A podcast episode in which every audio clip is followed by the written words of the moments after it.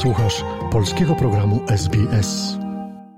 Sytuacja na Ukrainie. Aktualne informacje.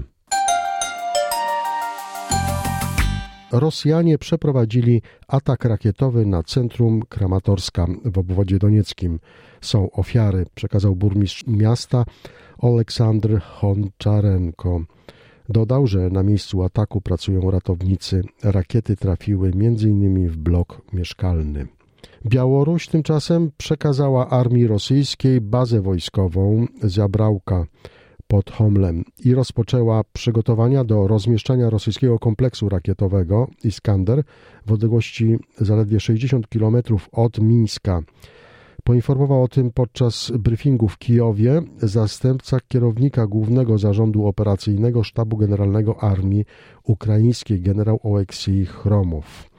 Jak powiedział też z udziałem białoruskiego KGB na Białorusi, odbywa się rekrutacja byłych wojskowych do prywatnej rosyjskiej firmy Liga w celu ewentualnego wysłania ich na ukraiński front. Generał Chromow poinformował także o szkoleniu politycznym w armii białoruskiej. Співробітники Федеральної служби безпеки і інших силових структур Росії, офіцери збройних сил Республіки Білорусь на даний час проводять роз'яснювальну Funkcjonariusze Federalnej Służby Bezpieczeństwa i innych struktur siłowych Rosji, a także oficerowie Armii Białorusi prowadzą szkolenie wojskowych białoruskich w celu przygotowania do udziału w tzw. operacji specjalnej na terytorium Ukrainy.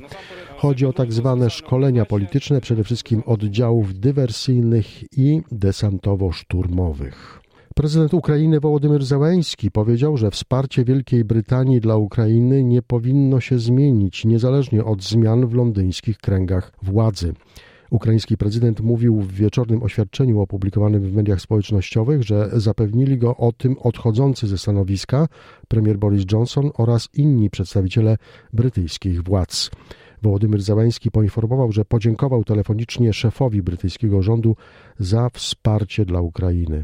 В день я говорив з ним, подякував за підтримку, яку ми отримали від першого. Rozmawiałem z nim po południu i podziękowałem za wsparcie, jakie otrzymaliśmy już od pierwszego dnia rosyjskiej agresji. Systemy obrony przeciwlotniczej Stinger, systemy przeciwpancerne, artyleria, amunicja, pojazdy opancerzone i wiele innych.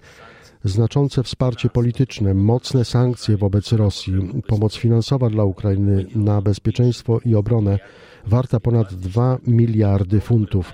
Rola Wielkiej Brytanii w obronie wolności ma znaczenie prawdziwie globalne, powiedział prezydent Zełański.